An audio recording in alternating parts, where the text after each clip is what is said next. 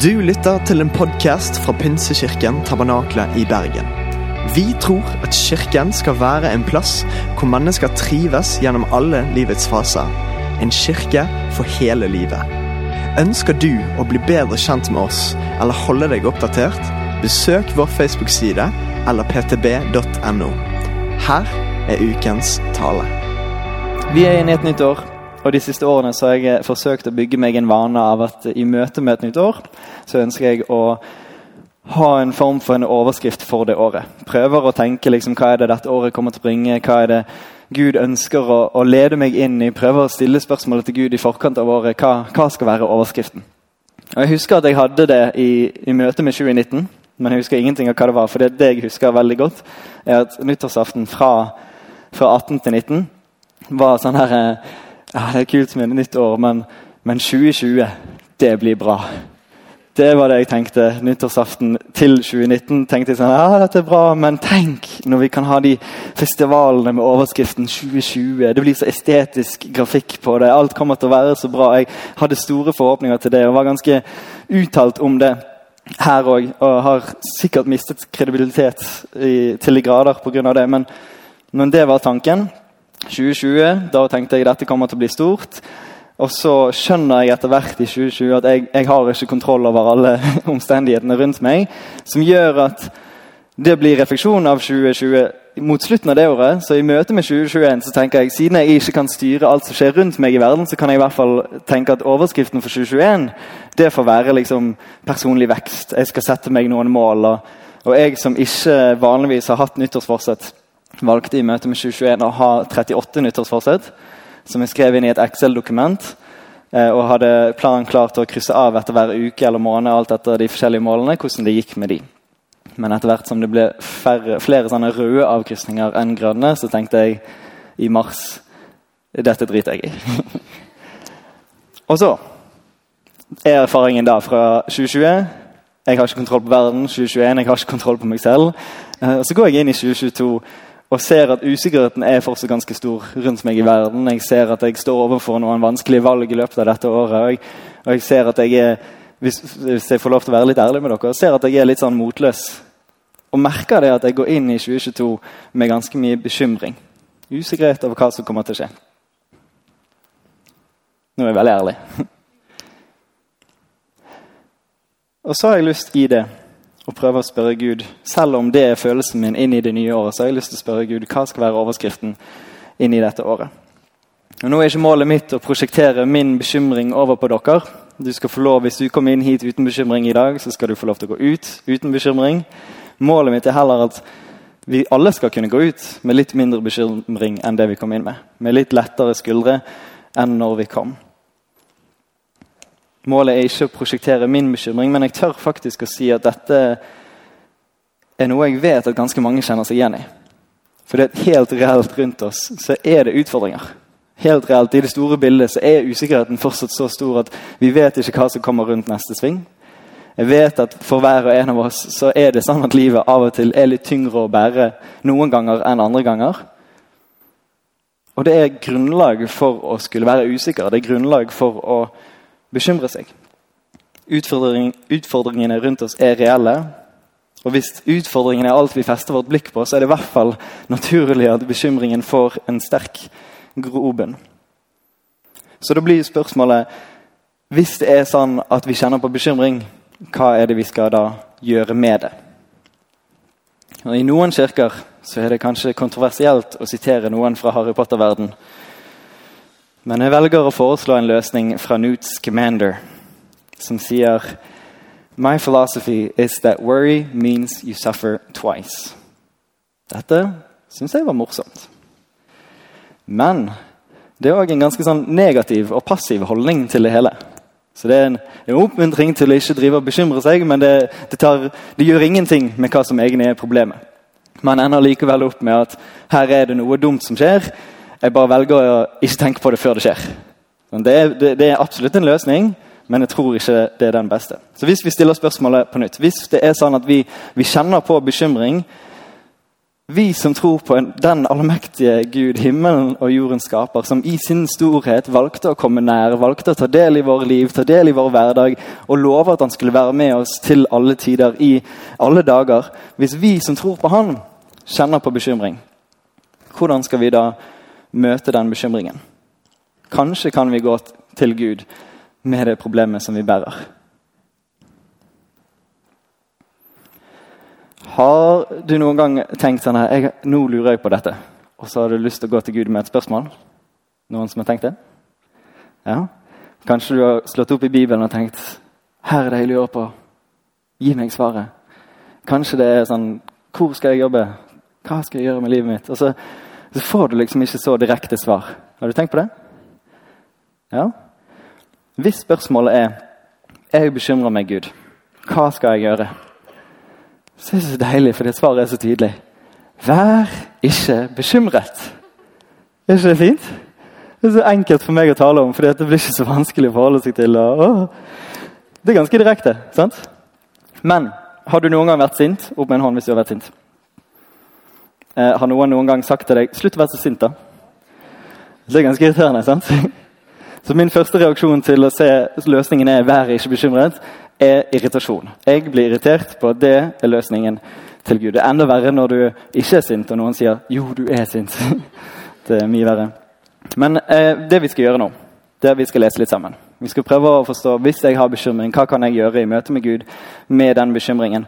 Vi skal dykke litt inn i en tekst rundt der som Jesus sier 'vær ikke bekymret', og prøve å finne ut hva mer er det Hva er det som er dypere enn at det bare er liksom kommandoen 'vær ikke bekymret'? Kan det hende at det er en at det er en oppmuntring og at det er en annen løsning som gjør at man kan slippe å være bekymret.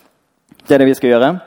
Vi skal hoppe inn i en uh, tekst fra Matteus, der Jesus har en av sine lengre undervisende utleggelser, som kalles bergpreken. Og så må vi se det litt for oss. Nå står Jesus på berget, han står og ser på folkene og underviser dem, forteller dem, prøver å lære dem å leve liv tett på Gud. Og så leser vi fra 6.25 i Matteus evangeliet. Derfor sier jeg dere, vær ikke bekymret for livet. Hva dere skal spise, eller hva dere skal drikke, heller ikke for kroppen, hva dere skal kle dere med. Er ikke livet mer enn maten og kroppen mer enn klærne? Og så virker det som at Jesus sier dette. Han starter med det. starter med liksom, Her er det vi skal tenke på. Og så ser han at de blir sånn Hva mener du med dette? Så ser han rundt seg, og så sier han sånn Se på fuglene under himmelen. De sår ikke, de høster ikke og samler ikke i hus, men den far dere har i himmelen, gir dem føde likevel. Er ikke dere mer verdt enn de? Hvem av dere kan vel med all sin bekymring legge en eneste alen til sin livslengde? Og hvorfor er dere bekymret for klærne? Se på liljene på marken. Hvordan de vokser. De strever ikke og spinner ikke, men jeg sier dere, selv ikke Salomo i all sin prakt var kledd som en av de. Når Gud kler gresset på marken så fint, det som gror i dag og kastes i ovnen i morgen, hvor mye mer skal han ikke da kle dere, dere lite troende? Så gjør dere ikke bekymringer, og si ikke hva skal, vi drikke, hva skal vi spise, eller hva skal vi drikke, eller hva skal vi kle oss med? Alt dette er hedningene opptatt av. Men den far dere har i himmelen, vet jo at dere trenger alt dette. Søk først Guds rike og hans rettferdighet, så skal dere få alt det andre i tillegg. Så gjør dere ingen bekymringer for morgendagen. Morgendagen skal bekymre seg for seg selv. Hver dag har nok med sin egen plage. Vi ser det gå igjen gjennom hele teksten. Vær ikke bekymret. Ikke ha noen bekymringer. Slutt å bekymre deg for ting. Det er veldig tydelig, virker det som. Og så kan man legge merke til at det pekes på det skapte og dets behov, og så pekes det på skaperen, som kjenner behovene til det skapte, og evner å møte det behovet. Og Da kan vi ta en liten sånn disclaimer midt oppi det at når han peker på skaperen som kjenner det skapte sitt behov, så gjør det at det drar oss litt vekk fra å kunne lese denne teksten som her, mitt behov er å få et jetfly. Og det skal jeg få hvis jeg søker Guds rike først. Det er ikke det denne teksten handler om. Jesus peker veldig tydelig på at skaperen vet jo hva du trenger. Kanskje til og med bedre enn oss selv. Men det teksten legger opp til, til syvende og sist, det er en grunnleggende tillitsøvelse fra det skapte til skaperen. Det er det som vil gjøre at vi kan slippe å bekymre oss, hvis vi velger å stole på vår skaper. Jeg prøver å gjøre en vane ut av at hver gang jeg leser i Bibelen og ser at det står 'derfor', så betyr det jo at, at man sier noe i forhold til det som ble sagt før. Gir mening? Ja, enig. Helt enig. Ok. Så denne teksten begynner med 'derfor'. Derfor har jeg lyst. Derfor har jeg lyst til å flytte blikket litt tidligere. Hva var det Jesus sa som ledet opp til dette? For når det står 'derfor' der, så virker det som at konklusjonen hans er 'vær ikke bekymret'. Så hva er det han sa før? Jo, det skal vi finne ut av, og vi leser sammen fra vers 19. Dere skal ikke samle skatter på jorden, hvor møll og mark ødelegger, og hvor tyver bryter inn og stjeler. Men dere skal samle skatter i himmelen, der verken møll eller mark ødelegger, og tyver ikke bryter inn og stjeler. For der skatten din er, vil også hjertet ditt være. Dette er første av tre utsagn som kommer, som, som, Jesus kommer med. Litt sånn, De virker ikke som de henger helt sammen, men de bygger opp til konklusjonen til slutt, der det starter med 'derfor'. Men han starter altså med dette, og hvis vi dykker litt i det, så kan vi presisere først og fremst at når det snakkes om himmelen, så var det en kjent forståelse fra Jesus at det, da snakker ikke man om liksom, livet etter vi har dødd, når vi liksom fyker opp til himmelen. Har dere sett sånne bilder av liksom, vi, vi, dør, og så, sånn, så kommer vi til himmelen? Det er en veldig sånn barnslig forståelse av kristen tro. Unnskyld hvis du ble offended av det. Men, men, det er ikke det vi tror på. Vi tror på at himmelen er snakk om det livet vi lever med Gud, der Gud er rundt oss, til og med her og nå. Allerede her og nå så lever vi med en smak av himmelen, fordi at himmelen er der vi lever sammen med Gud. Så når det står her 'samle seg skatter i himmelen', så er det ikke liksom å samle seg opp en eller annen bonus som vi skal få når vi dør, men det handler om å samle seg opp et liv sammen med vår Gud og skaper allerede her og nå. Det handler om å lære seg å leve i Guds nærhet. Så fortsetter Jesus fra vers 22. Øyet er kroppens lampe. Om øyet ditt er klart, er det fordi kroppen er fylt av lys. Men om øyet ditt er sykt, er det fordi kroppen er fylt av mørke. Er nå lyset i deg mørket? hvor dypt blir ikke da mørket? Har du hørt at du blir det du spiser? Ja, bare tull. Men det Jesus prøver å referere til her, er at det vi velger å sette vårt blikk på, det er med å forme oss. Den, eh, en filosof-teolog som heter James K. Smith han sier at vi er det vi elsker. Det vi, det vi, setter vår oppmerksomhet til, det vi trakter etter, det er til syvende og sist med å forme hvem vi er. Og Det er det Jesus prøver å advare om her. at Det vi fester vårt blikk på, det er det som kommer til å forme mye av det som skjer på innsiden av oss. Og Ut ifra det så kan man stille et sånn spennende kontrollspørsmål. Er det du som kontrollerer blikket ditt, eller er det blikket ditt som kontrollerer deg? Oh, det kan du tenke på etterpå. Ok, vi leser videre. I vers 24. Ingen dette er den siste av de tre utsagnene. Ingen kan tjene to herrer. Han vil hate den ene og elske den andre, eller holde seg til den ene og forakte den andre. Dere kan ikke tjene både Gud og mammon. Mammon er et sånn gammeldags ord, men mammon snakker om penger, eller til syvende og sist velstand, egentlig. Og så er det ut av dette, ut av en advarsel om å ikke se på velstanden rundt deg, skattene rundt deg her og nå, men å tenke la oss samle skattene våre i det som vil vare evig. Ut ifra advarselen om å tenke på det du setter ditt blikk på, er med å forme hvordan du blir, hvordan du er. Og det å advare om at man kan ikke ha to herrer. Så det ut ifra alt det, så sier Jesus derfor sier jeg dere, vær ikke bekymret.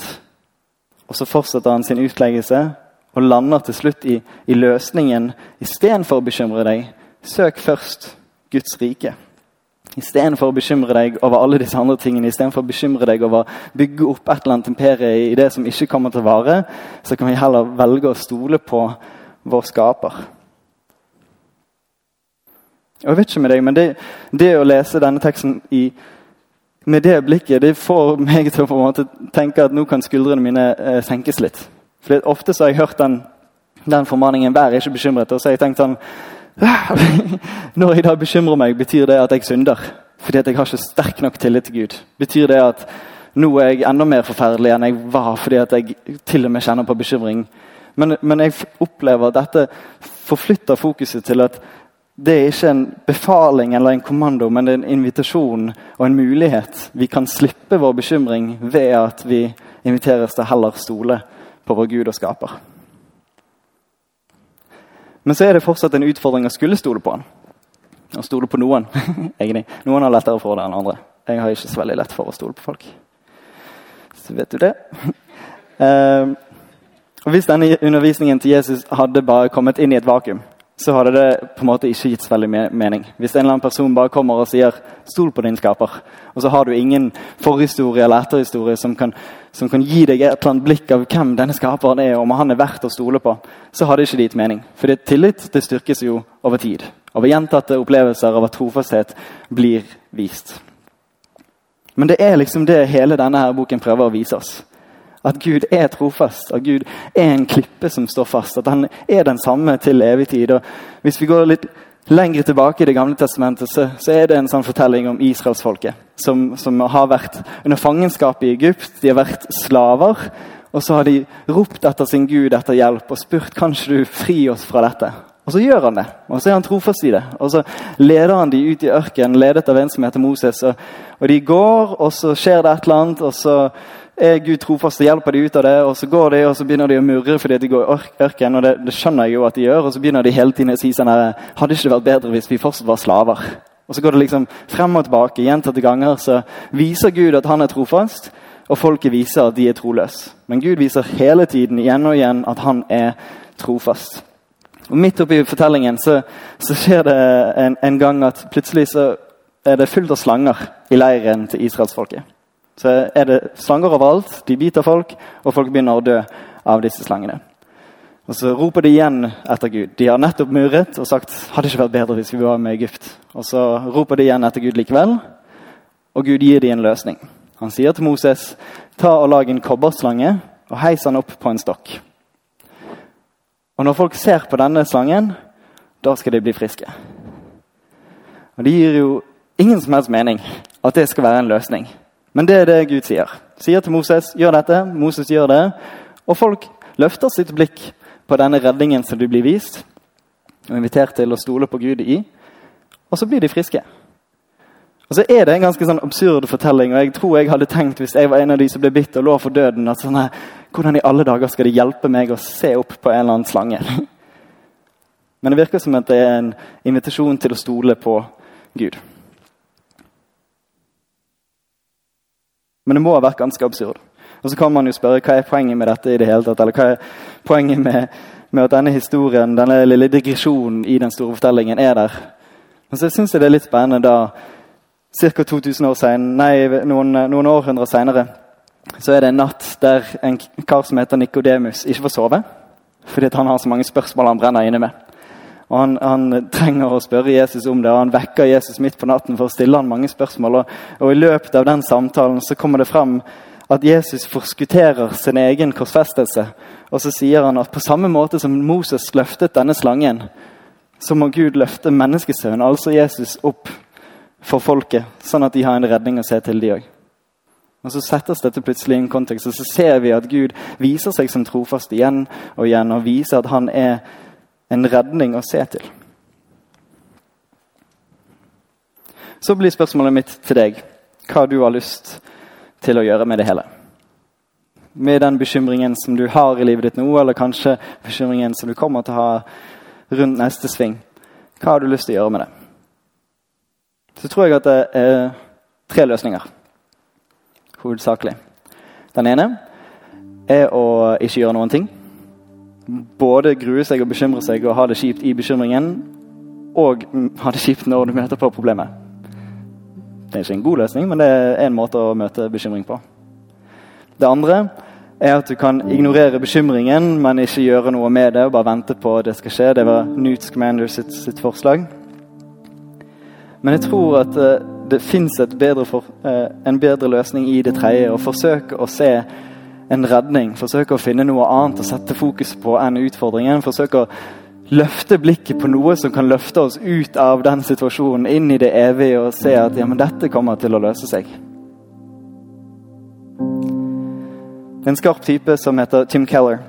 Han er pastor i en kirke i New York, og han sier, uh, sier dette. An idol is whatever you look at and say in your heart of hearts, if I have that, then I'll feel my life has meaning. Then I'll know I have value. Then I'll feel significant and secure.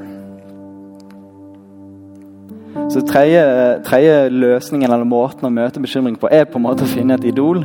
Men forskjellen på et hvilket som helst idol, en hvilken som helst ting eller et hvilket som helst menneske som vi gjør til vårt idol, forskjellen på det og på Gud er at Gud er jo evig. Han er den som har vist seg som trofast. Selv om vi er troløse, han vist seg som trofast. Han er den som kommer til å stå der. Han er den som kommer til å holde sitt løfte. Han er den som kommer til å ikke bare kunne gi deg en følelse av, av verdi og mening og betydning i et øyeblikk, men i evighet, fordi at han er i evighet. Det å feste vårt blikk på han vil kunne løfte oss ut av den bekymringen. Det er det han lover oss. Hans invitasjon er til oss å sette vår tillit til han. Hans oppmuntring er at vi pga. det, når vi gjør det, kan vi slippe å bekymre oss hele tiden. Og hans løsning for å slippe å bekymre oss, for å sette vår tillit til han, det er det som Jesus sier mot slutten av teksten der. Søk først Guds rike og hans rettferdighet, så skal dere få alt dette andre i tillegg. Så invitasjonen er sett vår tillit til Han. Muligheten er å slippe vår bekymring, og løsningene er å søke Han først. Løfte blikket på Han. Se til Jesus. Løfte blikket vekk fra en, hva enn som er utfordringen. Det handler ikke om å liksom ignorere at her er det noe som brenner, men det handler om å løfte blikket og se Jesus. Søke Hans rike først. Så lurer jeg på hva som ville skjedd i ditt liv hvis du gikk for løsning nummer tre. Hvis du gikk for det å tenke nå skal jeg søke Guds rike. Nå skal jeg løfte blikket. Nå skal jeg se til Jesus. Tenk om du brukte bønneuken til det. Brukte denne uken i starten av året til å sette deg en rytme og sette av tiden til å si nå skal jeg starte hver dag med å søke Guds rike. Kanskje det ser ut som at du sitter i stillhet og ber. Prøver å lytte. Kanskje det ser ut som at du plukker opp en bibel og begynner å lese, søke hans stemme, søke hans sannheter inn i ditt liv. Kanskje det bønneuken kan være en start som setter en tone for resten av året, der vi velger å søke Guds rike og velger å stole på vår Gud og skaper. Jeg skal få lov til å reise deg.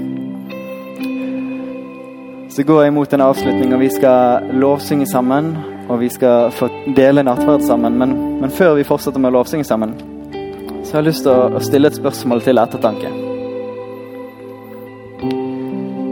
Hvis du gjør dette, prøv å se for deg konsekvensene det kan ha.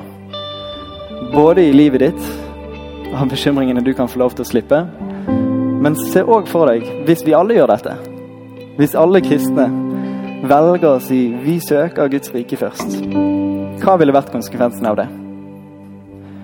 Tenk hvilken sånn frisk pust vi kunne vært i møte med et samfunn der, der, folk er urolige, der folk er stresset, der folk ikke vet hva som kommer rundt neste sving. Tenk hvilken frisk pust vi kan være hvis vi er de som velger å si 'jeg stoler på Gud i dette'. Jeg skjønner at dette er vanskelig, men jeg, men jeg stoler på noen som er så mye mektigere.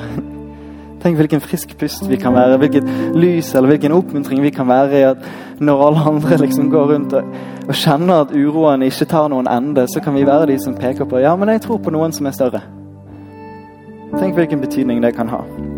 Tenk hvilken nysgjerrighet det kan skape i noen når de ser den type roen og tryggheten i oss som står der og, og midt oppi en ærlig krevende situasjon likevel klarer å si det, men jeg tror på noe som er større. Og jeg stoler på at han er god, og at han er kjærlig, og at, at han vet hva jeg trenger. Tenk hvilke konsekvenser det kunne fått.